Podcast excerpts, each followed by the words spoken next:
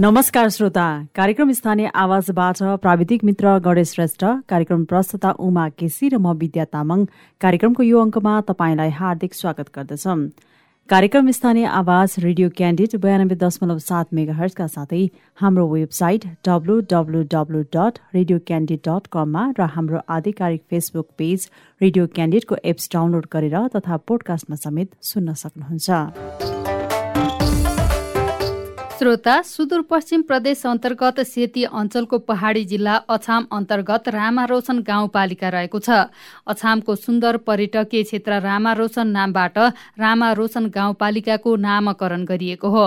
रामारोशन गाउँपालिका नेपाल सरकारको मिति दुई हजार त्रिहत्तर वैशाख पच्चिसको निर्णयबाट साबिकका मलातीकोट चाफा मान्डौ सान्तडा बाटुला सैन रामारोशन भाटा काटिया र सुतार गाविस गरी जम्मा सातवटा गाउँपालिकालाई समावेश गरी स्थापना गरिएको हो। यस गाउँपालिकाको कुल क्षेत्रफल एक सय त्रिहत्तर दशमलव तिन तिन वर्ग किलोमिटर रहेको छ। यस गाउँपालिकाको कुल जनसङ्ख्या उन्तिस हजार छ सय तेइस रहेको छ। पर्यटकीय हिसाबले पनि यस नगरपालिकामा प्रचुर सम्भावना बोकेको छ। यद्यपि केही मात्रामा छाउपडी कुप्रथा घरेलु हिंसा मदिरा बाल विवाह लगायतका समस्याले भने अगाडि बढ्न बाधा पुर्याइरहेको छ।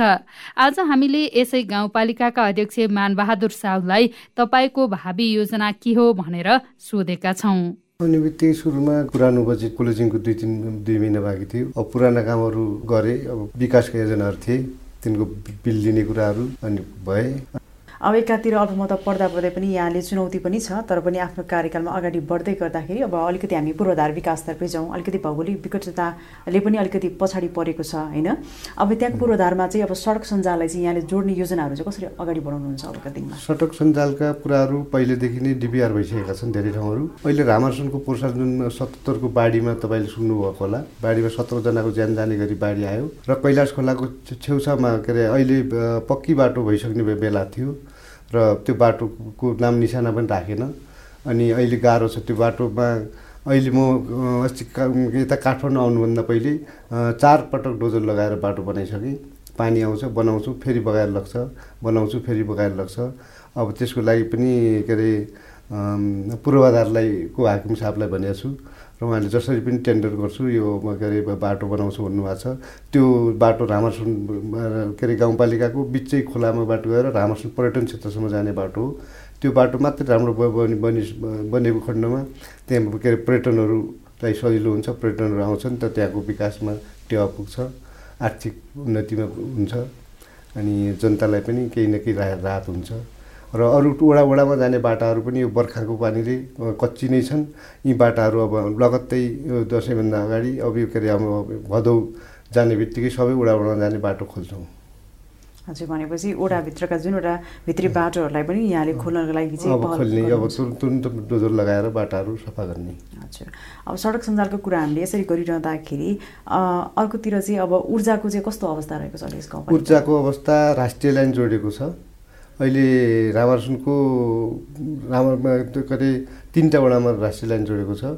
अनि हाम्रो त्यो त्यहाँ के अरे जल साना जलहरू थिए चार पाँचवटै खोलाले बगायो। खोलाकै छेउमा बगाउनाले सब बगायो एउटा अहिले सुतारमा सान्तडामा सान्तडामा पनि अहिले भर्खर अस्ति पहिरो लागेर कुलो लिएर अहिले अवरुद्ध भएको छ। अनि सकपर राष्ट्रिय लाइन जोड्ने हाम्रो योजना छ। हजुर। अहिले सबै गाउँपालिकाभित्र चाहिँ बिजुलीको आपूर्ति छ कि छैन? आपत्ति छ। बिजुलीतर्फ कुरा गर्दाखेरि अब अलिकति स्वास्थ्य क्षेत्रमा पनि मैले जोड्न चाहेँ जस्तै अलिकति भौगोलिक विकटताले गर्दाखेरि अलिक सडक सञ्जाल पनि नभएको अवस्थामा चाहिँ अब सानो कुनै पनि बिरामी लागेको अवस्थामा चाहिँ उपचार गर्न जानको लागि चाहिँ अब बाहिर जानुपर्ने अवस्था छ कि गाउँपालिकाभित्र नै त्यस्तो सुविधाहरू चाहिँ बाहिर जानुपर्ने अवस्था छ। पन्ध्र सयको हस्पिटल पोर्सल टेन्डर भइसकेको क्यान्सल भयो। अब के के कुनै प्राविधिक मिस्टेक के भएर क्यान्सल भयो। अनि जनतालाई असाध्य स्वास्थ्यकोमा उपचार गर्नको लागि दुःख छ। बैलपाटा मङ्गलसेन आउनुपर्छ। अब के अरे त्यहाँ आउनको लागि पनि महँगो भाडा तिरेर आउनुपर्ने हुन्छ। बाटो अप्ठ्यारो छ। अनि जनतालाई दुःख छ। अब के अरे यो असोज कार्तिकतिर टेन्डर खोल्ने भन्ने किसिमको सोच लिएको छु मैले। पूर्वाधारको कुरा गरिरहँदाखेरि अब शिक्षा क्षेत्र पनि एउटा ठुलो हो होइन? त्यसमा पनि गुणस्तरीय शिक्षा भन्ने आउँछ। अब शिक्षा क्षेत्रलाई नै अझ यस गाउँपालिकामा गुणस्तरीय बनाउनको लागि चाहिँ यहाँले कस्तो कार्यक्रमहरू अगाडि सार्नु भएको छ? अब गाउँपालिकामा शिक्षा क्षेत्रलाई जोड दिएकै छौँ। कतिपय ठाउँमा शिक्षाका भवनहरू छैनन्।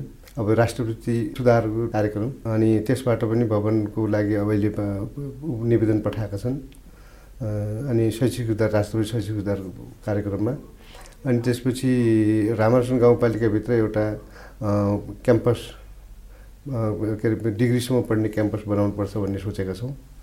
अनि त्यसपछि सबै विद्यालयमा के अरे शिक्षकलाई के अरे कर्मचारी शिक्षक कर्मचारीहरूले राम्रोसँग इमान्दारिताका साथ पठन पाठन गराउनुपर्छ भन्ने किसिमको अब हामी अनुगमन गर्छौँ। अनुगमन गरेपछि कस्तो किसिमको छ हामीले सुरुवातमै भएको हुनाले हामीले अनुगमन गर्न पाएका छैनौँ। अनि कहाँ दरबन्दी छ कहाँ छैन कहाँ अपुग कहाँ बढी छन् यो मिलान गरेर बढी दरबन्दीमा के अरे विद्यार्थी सङ्ख्याभन्दा बढी दरबन्दी भएकोलाई हामी अर्को ठाउँमा सिफ्ट गर्छौँ। त्यसरी अगाडि बढ्ने योजना गरेको। हजुर भनेपछि एउटा प्राविधिक विद्यालय पनि छ हाम्रो गाउँपालिकाभरि एउटा छ। त्यसलाई पनि अब कम केही सुधार गर्ने र अर्को पनि एउटा प्राविधिक विद्यालय राख्ने हजुर प्राविधिक विद्यालय सँगसँगै उच्च शिक्षाको लागि चाहिँ बाहिर जान नपरोस् भनेर गाउँपालिकाभित्र नै यहाँले अबका दिनमा चाहिँ उच्च शिक्षाको लागि विद्यालय स्थापना गर्ने तयारीमा हुनुहुन्छ। अब शिक्षा क्षेत्रलाई जोडिरहँदाखेरि अब आर्थिक समृद्धिको कुरा पनि आउँछ। होइन?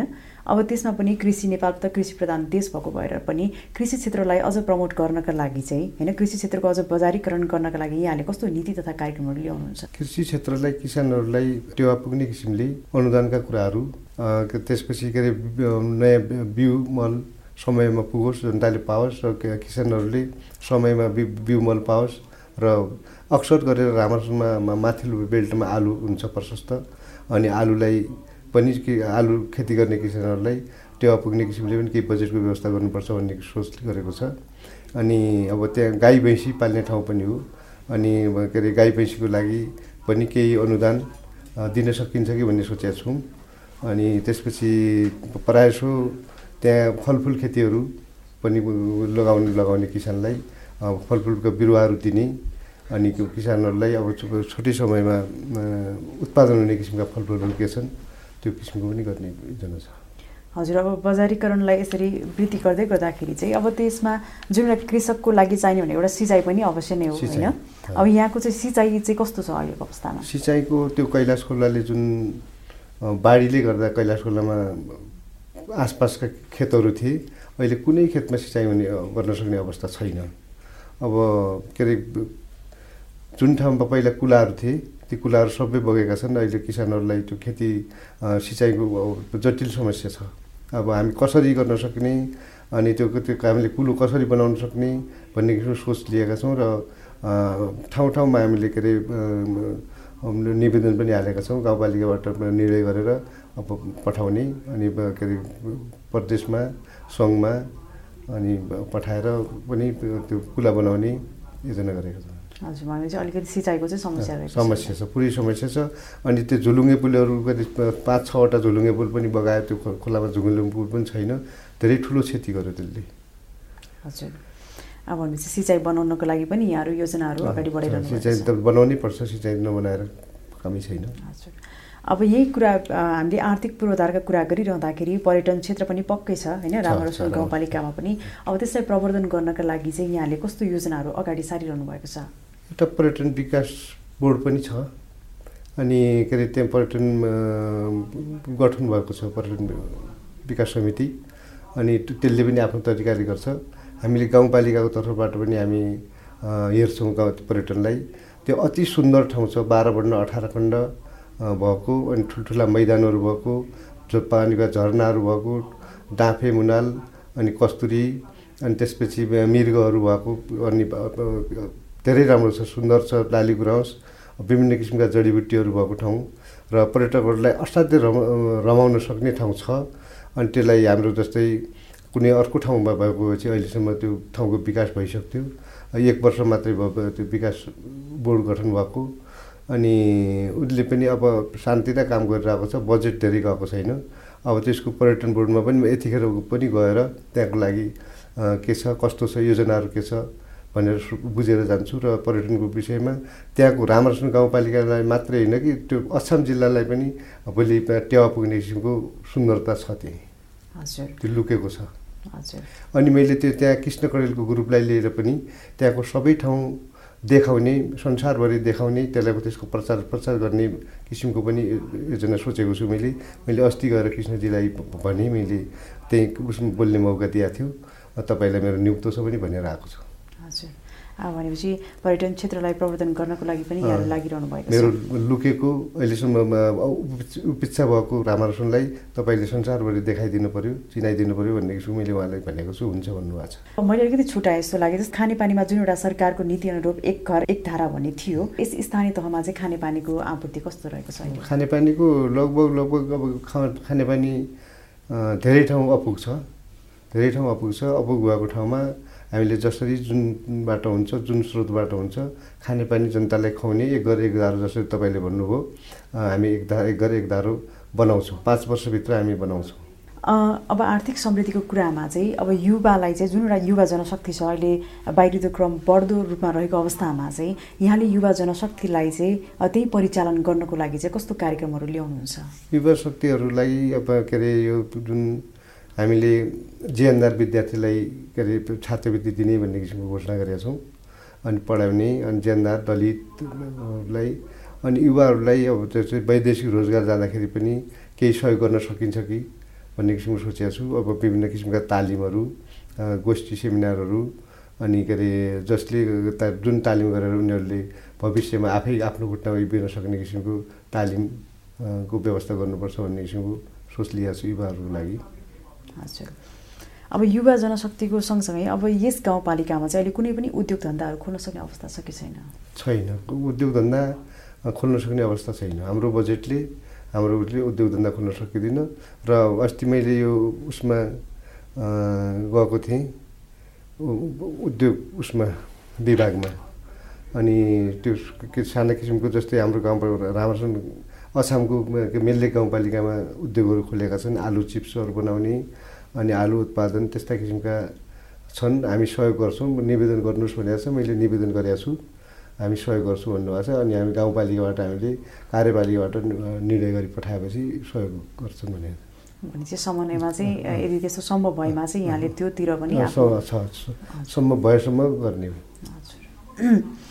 अब एउटा गाउँपालिका भइसकेपछि त्यहाँ पक्कै पनि न्याय सम्पादनको कुराहरू पक्कै पनि आउँछन् होइन? आफ्नो यहाँले चाहिँ आफ्नो स्थानीय तहलाई अब न्याय सम्पादनमा चाहिँ कसरी अगाडि बढ्नुहुन्छ?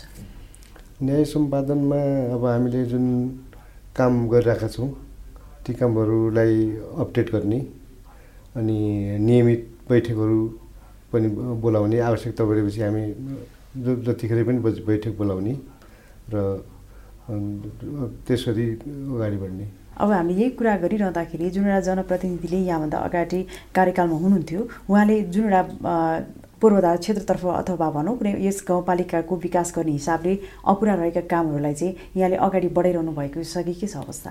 राम्रा काम छन् भनेपछि अगाडि बढाउने नै हो। जस्तै बाटाका कुराहरू छन् बाटो मान्छेले चाहिन्छ नै अगाडि बढाउने हो। बिजुलीका कुराहरू बाँकी छन् भने त्यो अगाडि बढाउने हो। खानेपानीका कुराहरू सिँचाइका कुराहरू अनि प्रत्यक्ष जनताकोलाई जनताका सरकारका कुराहरूलाई अगाडि बढाउने। हजुर अध्यक्षज्यू अब हामीले कुरा गरिरहँदाखेरि एउटा जुन एउटा सामाजिक तर्फबाट पनि अझ भनौँ जुन एउटा पिछडिएका समुदायहरू छन् होइन अझ वृद्ध वृद्ध पनि हुनुहुन्छ होला अथवा पिछडिएका जाजातिहरू पनि हुनुहुन्छ उहाँको पुनरुत्थानका लागि अझ सुधारात्मक जीवनका लागि चाहिँ यहाँले कस्तो पहलहरू गर्नुहुन्छ अबका दिनमा? उहाँहरूको लागि वृद्ध वृद्ध वृद्धहरूको लागि सहज किसिमले भत्ता बाँड्ने भन्ने सोच लिएको थिएँ मैले। गाउँ घर घरमा गएर वर्षक बैङ्करसँग समन्वय गरेर आफै जिम्मेवारी बसेर दिनुपर्छ भनेर मैले बैङ्करसँग धेरै पटक अनुरोध गरेँ। र त्यहाँ राम्रोसँग ऊ पनि चल्दैन नेट पनि चल्दैन। नेट नभएको कारणले एक दुई महिना भइसक्यो भत्ता बाँडाएको अझै धेरै बाँकी छ। र उहाँहरूलाई सहज कसरी गर्ने गर्न सकिन्छ भनेर फेरि पनि म उहाँहरूसँग कुरा गर्छु। र वृद्धहरूको लागि अनि के अरे दलित समुदायको लागि अनि त्यसपछि पिछडिएको वर्गको लागि केही न केही उहाँहरूको लागि चा उहाँको चाहना अनुसारको हामीले गाउँपालिकाले हाम्रो बज बजेटको आकारले भ्याउनेसम्मको के गर्न सकिन्छ उहाँको बस्तीमा उहाँको गाउँमा हामीले गर्न सकिने कुराहरू गर्छौँ। हजुर। अब हिजोको दिनमा यहाँले जब एउटा निर्वाचित हुनुभन्दा अगाडि होइन जब एउटा चुनावी प्रचारको क्रममा हुनुहुन्थ्यो जुन एउटा घोषणापत्रमा आफूले राखेका कुराहरू थिए होइन म मेरो कार्यकालमा चाहिँ जब म निर्वाचित भएर गइसकेपछि चाहिँ यो कुराहरूलाई चाहिँ यो गाउँपालिकामा सुधारात्मक गर्छु परिवर्तन गर्छु भन्ने एउटा जुन एउटा सोच बोकेर आउनु भएको थियो होइन आजको दिनमा चाहिँ त्यो कुराहरू कतिको लागू भइरहेको छ कस्तो अनुभूति गर्नुहुन्छ यहाँले? सुरुवात भएको छ। बजेट सबभन्दा मैले गर्छु भनेको त बजेट पास गर्ने हो अनि हामीले नगर बस पनि हाल्छु भनेका छौँ। हामीले घोषणापत्रमा राखेका थियौँ। अनि त्यसपछि त्यो अर्को बजेटमा राख्ने हो। एम्बुलेन्सको कुरा गरेका थियौँ। एम्बुलेन्सको लागि म हिजो पनि गएँ सोरुममा। अनि पैसा बुझाइसकेको छ। अनि अबको डेढ महिनामा एम्बुलेन्स आउँछ। अनि अब किसानहरूलाई राहतका कुराहरू किसानको जस्तै बाली नाली क्षतिपूर्तिका कुराहरू अनि के अरे बिरामीका कुराहरू हामीले राखेका छौँ। औषधि उपचारका कुराहरू जस्तै किडनी अनि क्यान्सर जस्ता रोगहरूलाई तत्काललाई भए पनि गाडी भाडासम्म भए पनि हामीले गाउँपालिकाबाट दिनुपर्छ। केही न केही राहत हुन्छ भन्ने किसिमको हामीले सोचेका अब यो कुरा गरिरहँदाखेरि अब यहाँले चाहिँ पाँच वर्षको एउटा मोडालिटी छ होइन? सारङसम्म हामीलाई भनिदिनुहोस् कस्तो हुनेछ? यहाँको कार्यकालमा। पाँच वर्षमा त अब के अरे अब राम्रै होला। अहिले सुरुवात छ हारेका पीडाहरू छन् साथीहरूका। काम गर्छौँ राम्रै गर्छौँ। पाँच वर्षमा। सकभर भनेका कुराहरू सबै बाचा पुरा गर्ने किसिमले काम गर्छौँ। अघि पनि कुरा गऱ्यौँ जस्तै युवा स्वरोजगारको कुरा गर्दै गर्दाखेरि होइन जुन एउटा घर घरमा सिंहदरबार भन्ने एउटा जुन एउटा नीति छ होइन यहाँले चाहिँ स्थानीय सरकार भएको आवास चाहिँ कसरी गराइरहनु भएको छ जनतालाई? अब घर घरमा सिंहदरबार भन्ने एउटा माओवादी पार्टीको नारा हो त्यो। अनि घर घरमा सिंहदरबार मैले अघिल्लोबाट एउटा इन्टरभ्यूमा भनेको थिएँ घर घरमा सिंहदरबार भएन कि सिंह गयो भन्ने किसिमको भनेको थिएँ मैले। अनि अब युवाहरूलाई हामीले गर्न सक्ने अनि के अरे सिप सिपमूलक जस्तो तालिम बाँस निकालो अनि त्यसपछि हाते कागज अनि त्यस्ता किसिमका कुराहरूलाई उनीहरूलाई तालिम गराएर व्यवसाय किसिमको बनाउने हजुर। त्यसमा पनि महिला पनि पक्कै पर्छन् होइन? महिलालाई पनि अझ स्वरोजगार बनाउनको लागि अझ सशक्त बनाउनको लागि चाहिँ यहाँले प्रत्यक्ष रूपमा चाहिँ कस्तो नीतिहरू ल्याइरहनु भएको छ? यो ब्युटी पार्लर सम्बन्धी पनि उहाँहरूले महिलाहरूलाई सिकाउने अनि त्यसपछि सिलाइ बुनाइ अनि सिकाउने ती कुराहरू भइरहेका छन्। त्यसलाई के अरे त्यसैमा निर्भर रहने किसिमले हामी अनुदानमा मेसिनहरू अनि हामी उहाँहरूका उत्पादन गरेका चिजहरू बिक्री गर्ने बिक्री गरिदिने बजार मार्केट खोजिदिनेसम्मका कुराहरू हामी गर्न तयार छौँ। अब अछाम जिल्ला भन्ने बित्तिकै अझ भित्री गाउँपालिका भन्ने बित्तिकै अलिकति कहीँ न कहीँ छ बढी प्रथाको पनि एउटा होइन कुरीति भनौँ अथवा रूढिवादी अलिकति चलन रहेको छ होइन। पहिलाको तुलनामा उन्मूलन हुने क्रम त रहेको छ तर पनि छाउपडी प्रथालाई निर्मूल गर्नका लागि चाहिँ यहाँले कसरी अगाडि बढ्नुहुन्छ? हामी छाउपडी भनेर अलग्गै गोठ छ भनेपछि अहिले पनि बिस्तारै त्यसलाई हटाउने हो। अनि त्यो छाउपडी राख्ने ठाउँमा कुखुरा पालन गर बाख्रा पालन गर वा त्यो राख कुखुरा राख। मान्छेले के अरे छाउपडीको रूपमा अलग्गै बस्नु हुँदैन भन्ने किसिमको मैले अस्ति पनि कुनै अर्को ठाउँमा भनेको थिएँ। अनि छाउपडी प्रथा लगभग लगभग त्यो ठाउँबाट हटिसकेको पनि छ। कसै कसैको धामी हामी देउता काट्ने धामी हो भन्ने रूपमा छ कि के हो त्यो थाहा छैन। त्यो पनि आन्तरिक होला। बाहिर छाउपडी भनेर बाहिर देखिने अवस्था त्यहाँ छैन अहिले। यो अन्धविश्वास नै हो। अब मान्छे छाउ भएपछि नि के अरे सरसफाइ गर्नुपर्ने ठाउँमा एउटा गोठमा गएर बस्नुपर्ने। अनि कति महिलाको ज्यान गएको छ कति सर्पको टोकाइबाट मरेका छन् कति बलात्कार भएर विभिन्न किसिमका भएर बदनाम भएको छ। अनि यो एउटा विकृति नै हो यो। मान्छेले के अरे मान्छे छाउ भएपछि नि अलग्गै बस्नुपर्ने विकृति नै हो यो। हजुर भनेपछि उन्मूलन हुने क्रम यहाँहरूबाट पनि भइरहेको छ। प्राकृतिक रूपले अब मान्छे त छाउ त हुने नै अनिवार्य हो। भएपछि छाउ हुने बित्तिकै बाहिर बस्नु राम्रो होइन। यसको हामी उन्मूलन गर्छौँ। कहीँ त्यस्तो भेटिएछ भनेपछि हामी त्यसलाई उन्मूलन गर्छौँ। पालिकाको समृद्धिका लागि चाहिँ मूलभूत रूपमा देख्नुभएको चुनौती चाहिँ के के रहेको छ अहिलेलाई? पालिकामा चुनौती बाटो नै सबभन्दा बढी बाटो छ। बाटो भनेपछि त्यहाँ पर्यटकहरू प्रशस्त मात्रामा आउँछन्। अनि पर्यटकमा प्रशस्त आएपछि त्यहाँको इन्कम हुन्छ। राम्रोसँग के अरे आफ्नो खुट्टामा इबिनेसम्मको हुनसक्छ। त्यो के अरे अन्त बनाएका प्राकृतिक बनाएका तालहरू छन्। त्यहाँ के अरे प्राकृतिक किसिमका छन् धेरै छ धेरै छन्। बाह्रवटा ताल छन् त्यो ठाउँमा। अनि त्यो त्यहाँ मान्छे प्रशस्त जान्छन्। त्यो प्रचारमा आइसकेपछि। अहिले एउटा चुनौतीको रूपमा रामरसुनमा जाने एउटा बाटो नै हो। बाटो भनेपछि धेरै चिज हुन्छ। बजेट पारित भएको खण्डमा चाहिँ पहिलो प्राथमिकता चाहिँ यहाँले बाटोलाई राखेर बाटो त हाम्रो बजेट नै बाटो केन्द्र सङ्घबाटै छ प्रदेशबाट छ।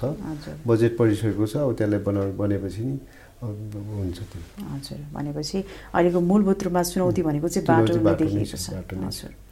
अन्तमा अध्यक्षज्यू मैले केही भन्न छुट्याएँ यहाँ केही भन्न चाहनुहुन्छ? अरू सब ठिकै छ। अब के अरे अब तपाईँहरूले पनि रामर्सनमा आउनु होला रामर्सनलाई यो चिनाउनको लागि तपाईँहरूले प्रयोग गरिदिनु होला भन्नु म तपाईँहरूलाई अनुरोध गर्न चाहन्छु। र जुन यहाँ आउने तपाईँले अवसर दिनुभयो इन्टरभ्यू लिनुभयो लिनुभयो र फेरि पनि म आशावादी छु तपाईँहरूले मलाई फेरि बोलाउनु होला भन्ने म आशा गर्दछु। र तपाईँलाई यो धन्यवाद दिन चाहन्छु। आजको कार्यक्रम स्थानीय आवाजमा हामीले अछाम जिल्लाको रामारोशन गाउँपालिकाका अध्यक्ष मानबहादुर साउदसँग भावी योजनामा केन्द्रित रहेर कुराकानी गर्यौं।